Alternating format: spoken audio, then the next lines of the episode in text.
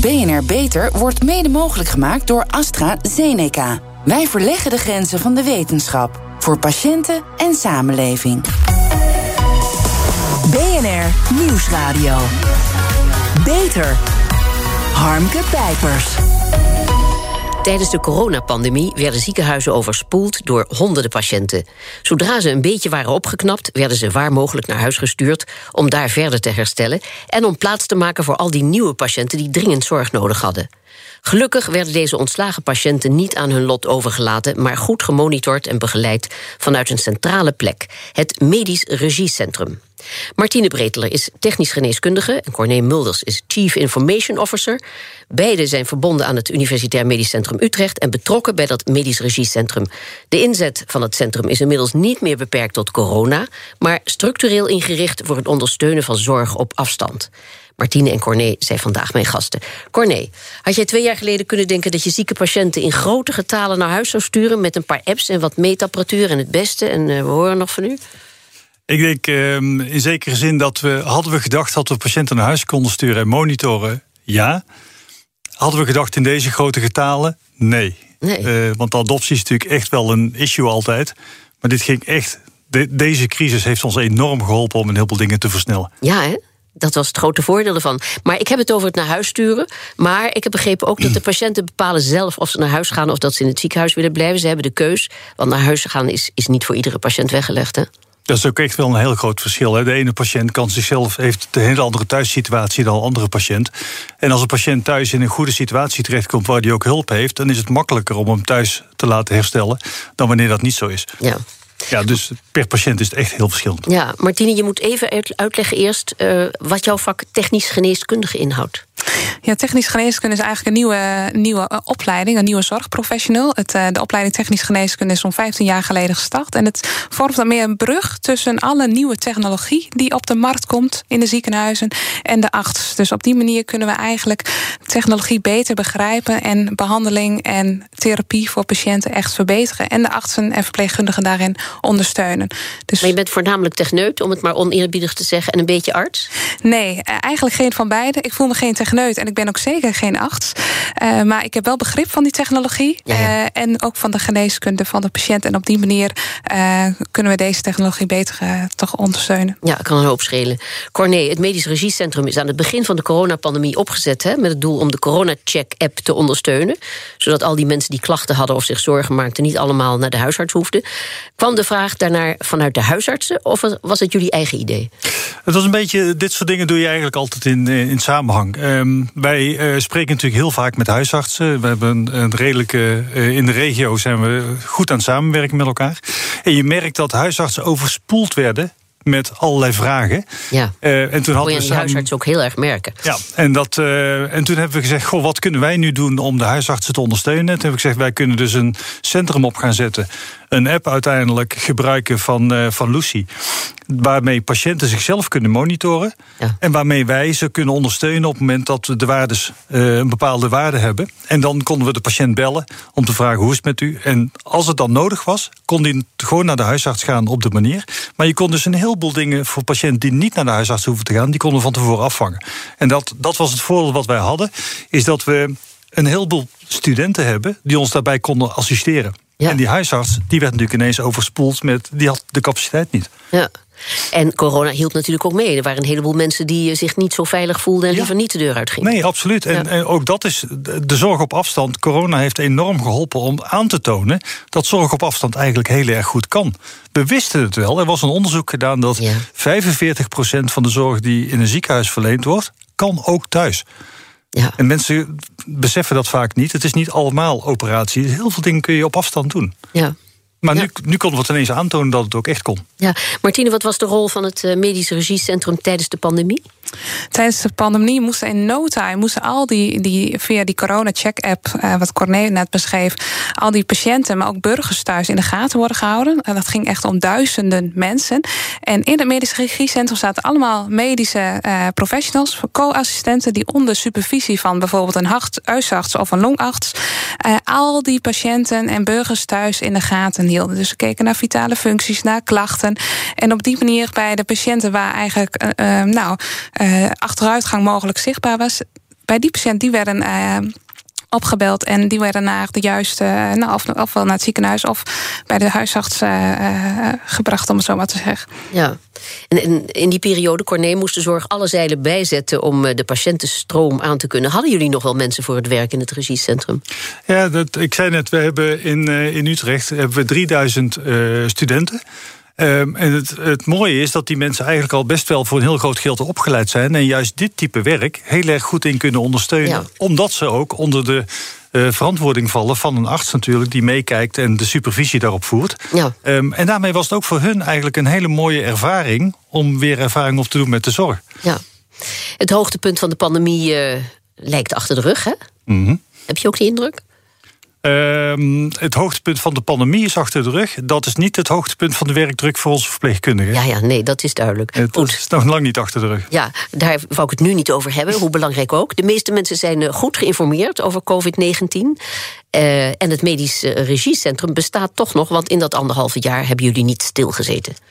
Nee, want er zijn weer veel meer ziektebeelden die uitstekend op afstand gemonitord kunnen worden. En dat waren we ook al een tijdje mee bezig. We hadden bijvoorbeeld al een app in, uh, in gebruik om zwangere vrouwen uh, te monitoren met een hoge bloeddruk.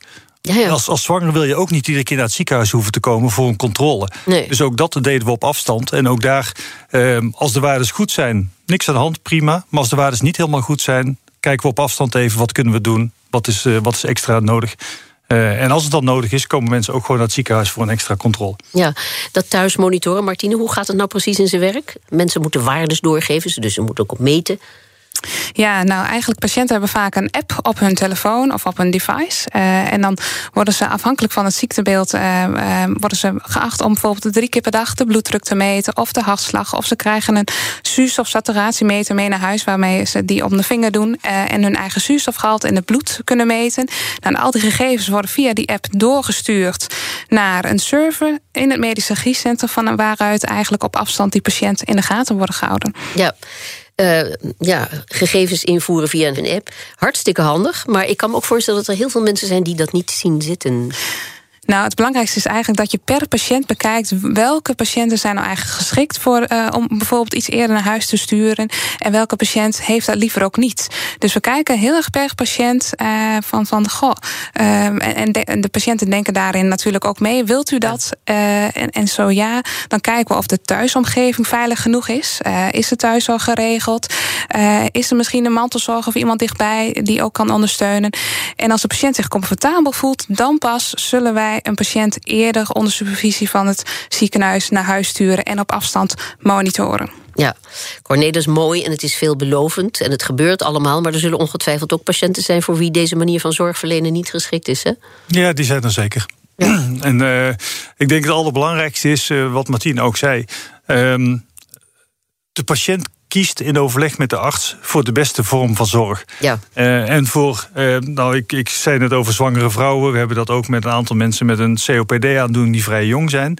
En gewoon volop in het leven staan. Die willen helemaal niet naar het ziekenhuis komen en vrij moeten nemen. Je wil niet dat doen. Ja. Dus je wil op afstand jezelf monitoren. En als het nodig is, wil je eigenlijk het liefst een videoconsult met je arts hebben. Want dat kun je dan op de tijdstippen doen dat het goed uitkomt. het mooie is ook nog, dan hoef je ook niet allebei op een plaats te zijn. Het, leuke van videoconsult is ook dat zowel de arts als de patiënt dat kan doen vanuit de plek waar die is. Dus we hebben bijvoorbeeld ook patiënten die op vakantie het heel fijn vinden dat ze gewoon even met hun arts konden videoconsulten om toch gewoon even hun gesprek te hebben. En dus niet in het ziekenhuis en dat levert ook veel minder saaie beelden op, hè? Ja, dat is heel leuk, ja. Zeg, en, en al die informatie werd dus bijgehouden door al die vlijtige studenten? Um, een aantal, heel veel van de informatie wordt bijgehouden door de patiënt zelf. Ja. Um, en een aantal van die instrumenten die eh, doen dat ook automatisch. Die geven automatisch die waarde door natuurlijk, zoals Martine zei, mhm. via de iPad en de, en de app. Um, het mooie is dat, dat op het moment dat je die tijd ook besteedt zelf aan die administratie, dan hoeven in het ziekenhuis hoeft de arts of de verpleegkundige ook dat ook niet meer zelf te administreren. Dus wat wij merkten in het ziekenhuis is dat onze artsen en verpleegkundigen dus veel meer tijd overhouden voor het echte gesprek en voor de echte zorgverlening waar het over ging. In plaats eh, van dat ze in eh, plaats van dat ze achter hun... aanblik van, van hun, hun zijkant ja. aanboden... omdat ze voortdurend op dat scherm zitten ja, te kijken. Ja, kun je iets bij voorstellen in zo'n spreekkamer... dat zo'n arts met diep achter een scherm zit allerlei dingen in te tikken? Ja, vreselijk. Dat wil je niet. En zeker niet als dat gegevens zijn die je als patiënt ook zelf heel goed kunt opgeven. en wat we ook gemerkt hebben, dat is denk ik ook wel belangrijk om te zeggen, is dat als je als patiënt zelf je gegevens hebt ingevuld de avond van tevoren, dan ben je ook beter voorbereid op het gesprek. Dan, dan is het makkelijk. Het gesprek is ook makkelijk. Je snapt iets beter. Want het is best een hoop informatie die uh, over je heen komt als zo'n arts begint door te vragen. Ja, goed. Martine, de zorgpaden hè, met apps die stellen patiënten in staat om zelf hun gezondheid in de gaten te houden. Dat klinkt mooi, maar er zullen heel veel mensen die zeggen: ja, was dat nou niet juist de taak van de arts? Nou, de, de heeft het zo druk om ook voor, de, voor die, al die patiënten te zorgen. En de patiënt met een misschien nog wat meer complexere zorgvraag die je graag in het ziekenhuis uh, wilt zien. Dat op die manier eigenlijk wat meer ruimte ontstaat voor de arts om uh, die zorg te geven voor de patiënt. En de patiënt die thuis kan blijven, ook op die manier uh, thuis in de gaten te houden met een stukje hulp. Dus er is nog genoeg werk voor de artsen om, om, om ingezet te kunnen worden. Ja, biedt dus duidelijke zorg, biedt dus duidelijke voordelen. En herstellen patiënten thuis ook echt snel en zijn ze meer tevreden? Nou ja, zeker. Wat, belangrijk om, uh, om je voor te stellen is dat eigenlijk uh, ook voor artsen is uh, het, thuismonitoren van patiënten geeft eigenlijk een veel duidelijker beeld van de conditie van de patiënt. Uh, zo zijn artsen bijvoorbeeld beter in staat met, om met al die data eigenlijk veel eerder te sturen op een aanpassing in de medicatie of in het zuurstofbeleid. En op die manier achteruitgang veel eerder uh, te signaleren en de juiste hulp in te schakelen. En aan de patiënt aan de andere kant, die heeft opeens eigenlijk veel meer uh, regie over de eigen gezondheid. En die ziet hoe het met hem of haar gaat. En die heeft ook een stukje uh, snel contact toch met die behandelaren op afstand als het even nodig is. Ja, Corné, niettemin leeft bij heel veel mensen het idee, misschien ook wel de angst, dat digitale zorg kil en onpersoonlijk is. Maar het tegenovergestelde is waar volgens jou. Vertel. Ja, absoluut. Uh, ik denk, wat Martine net al zei, is dat je uh, bij dat monitoren, klassiek voor chronische patiënten in een ziekenhuis, die worden vaak één keer in de drie maanden komen ze op controle bij een arts. Dan doen we één keer een meting. Maar die meting die zegt vaak niet zo heel veel, want die is maar één keer in de drie maanden. Uh, wat Martine ook al zei, op het moment dat je de hele meting al die tijd hebt, heb je een veel beter beeld van de patiënt. Maar wat eigenlijk iets was wat wij nooit bij stil hadden gestaan, was dat de patiënt zelf, omdat hij weet dat hij zich regelmatig monitort en uh, ook daadwerkelijk weet dat wij in het ziekenhuis meekijken met hem, daar vertrouwen van krijgt. Een patiënt, een oudere patiënt die uh, voor hoge bloeddruk bij ons onder behandeling was, ja. die zei: Maar doordat ik nu weet dat ik iedere paar dagen mezelf meet en dat het ziekenhuis meekijkt, voel ik me veel zekerder om gewoon rustig naar de supermarkt te gaan. Want ik weet dat het iedere paar dagen is. Terwijl vroeger werd ik maar één keer in de drie maanden gemeten. Ja. Dat, dat, dat hadden we eigenlijk niet zo voorzien. Maar dat was eigenlijk een bijeffect van monitor op afstand. Ja, en, en heeft dat tot resultaat dat de patiënt ook daadwerkelijk de regie neemt, zoals we graag zien? Ja, eh, dat zien we dus op een heleboel terreinen. Zien we dat. Kijk, een patiënt wil geen patiënt zijn. Een patiënt wil lekker zijn leven leven. Harmke Pijpers. Met grote tekorten in de zorg en de oplopende zorgkosten wordt er gezocht naar oplossingen om de zorg goed en betaalbaar te houden. Het Medisch Regiecentrum, waar patiënten op afstand worden gezien en begeleid, is zo'n oplossing. En daarover praat ik verder met mijn gasten Martine Breteler, technisch geneeskundige, en u hoorde hem al, Corné Mulders, Chief Information Officer. Martine, een zieke patiënt thuis wordt op afstand gemonitord. Wie is er in dat geval verantwoordelijk voor de patiënt? Is dat de patiënt zelf, het regiecentrum of de behandelend arts? Dat is uiteindelijk altijd de behandelende arts. Dus het medisch regiecentrum is nooit medisch verantwoordelijk voor de patiënt. Het medisch regiecentrum handelt aan de hand van protocollen in nauwe samenwerking met de, met de specialist. En uh, op die manier wordt de zorg voor die patiënt thuis in afstemming met de patiënt en specialist geleverd. Ja, Corné, eh, er zijn meerdere partijen betrokken hè, bij de zorg voor één patiënt. Dat is ook al genoemd. De huisarts die het eerste contact heeft, de apotheker, thuiszorg. Mogelijk lopen er ook andere medische handelingen. Al die dingen moeten bekend en op elkaar afgestemd zijn. Lukt dat om al die partijen te laten samenwerken? Ja, het samenwerken lukt wel, maar het, het informatie uitwisselen, daar hebben we in Nederland echt nog wel uh, een groot issue mee. Dat is best wel veel gedoe nog, omdat die informatie heel erg verspreid over allerlei verschillende systemen is, uh, is geadministreerd. We proberen dat nu ook wel heel veel met informatieuitwisseling uh, te gaan doen en dat gaat wel steeds beter.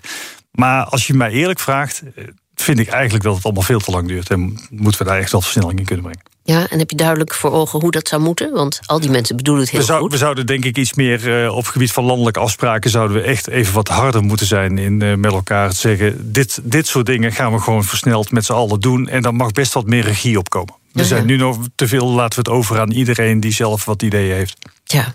Martine, inmiddels ondersteunt het Medisch Regiecentrum ook andere zorgpaden, hè, zoals van mensen met de auto-immuunziekte polyneuropathie. Wat, wat doet het uh, MRC voor deze patiënten?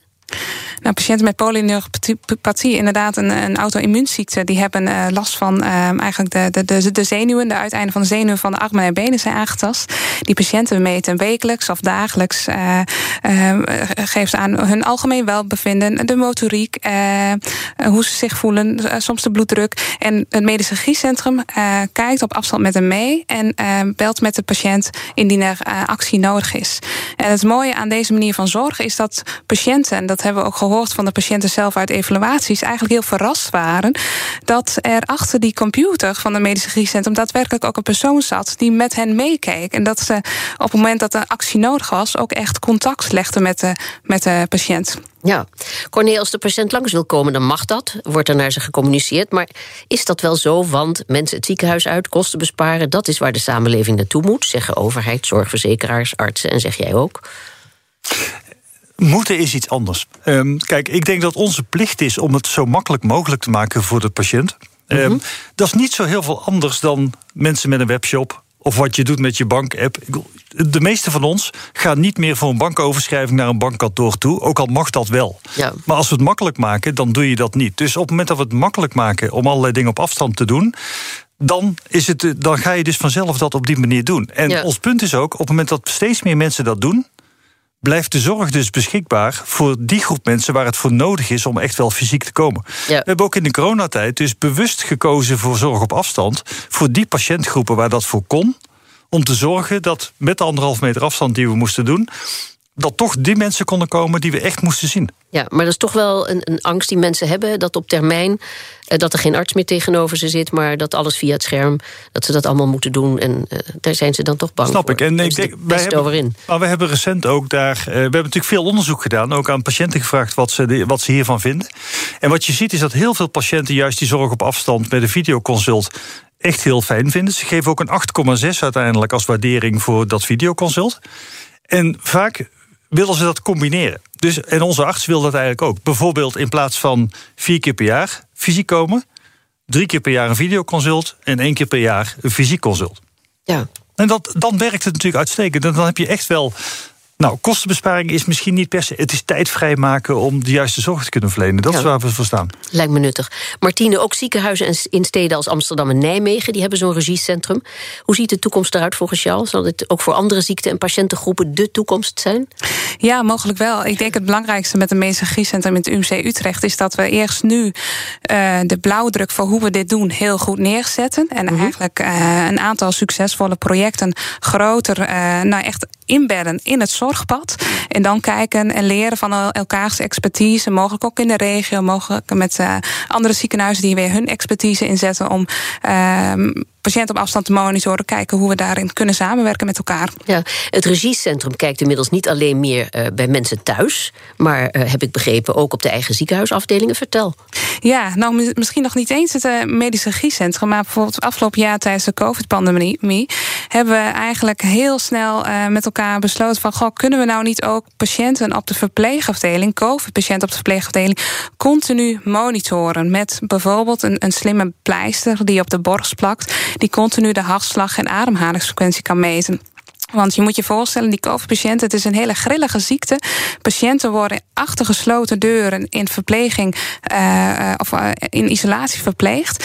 En voor verpleegkundigen is het dan ontzettend prettig om wat beter de condities van de patiënt in de gaten te houden. Zodat ze niet pas te laat bij de patiënt komen uh, wanneer de patiënt al achteruit is gegaan. Dus zowel voor de patiënt als verpleegkundige een prettig een prettige situatie. Ja. Hartelijk dank, Martine Breteler en Corné Mulder. En wil je meer informatie over de mogelijkheden van het Medisch Regiecentrum? Kijk dan op www.bnr.nl/slash beter. Zorgvernieuwers. Er zijn volop ontwikkelingen in de zorg. Nieuwe medicijnen, technieken en behandelmethoden maken het leven van de patiënt beter en het werk van de specialist makkelijker. Wat zijn de laatste innovaties? Chronische pijn in je spieren en bindweefsel, waardoor je moe, stijf en humeurig wordt. Zo'n 350.000 mensen in Nederland hebben fibromyalgie, een aandoening die moeilijk op te sporen is. Artsonderzoeker Jan van Dam van het LUMC onderzoekt of cannabis verlichting kan brengen. En dat is belangrijk, want er is geen remedie toch voor fibromyalgie tot op heden? Uh, nou ja, dat, uh, dat klopt wel. Um, er is in ieder geval geen remedie die langdurig uh, werkt. er zijn soms wel wat middelen die wat doen, maar er is niet een goede behandeling. Ja, je, de je bestudeert de werking en bijwerking van medicinale cannabis en vergelijkt het ook met andere pijnstillers, zoals oxycodon. Waarom is dat belangrijk? Wat hoop je te weten te komen? Ja, dat is uh, belangrijk omdat we dat niet weten. Uh, en dat klinkt uh, heel makkelijk, maar zo is dat. We weten, en met name uit ja, ervaringen van mensen, dat sommige mensen zeggen dat medicinale cannabis voor hen werkt, dat oxycodon voor hen werkt bij fibromyalgie.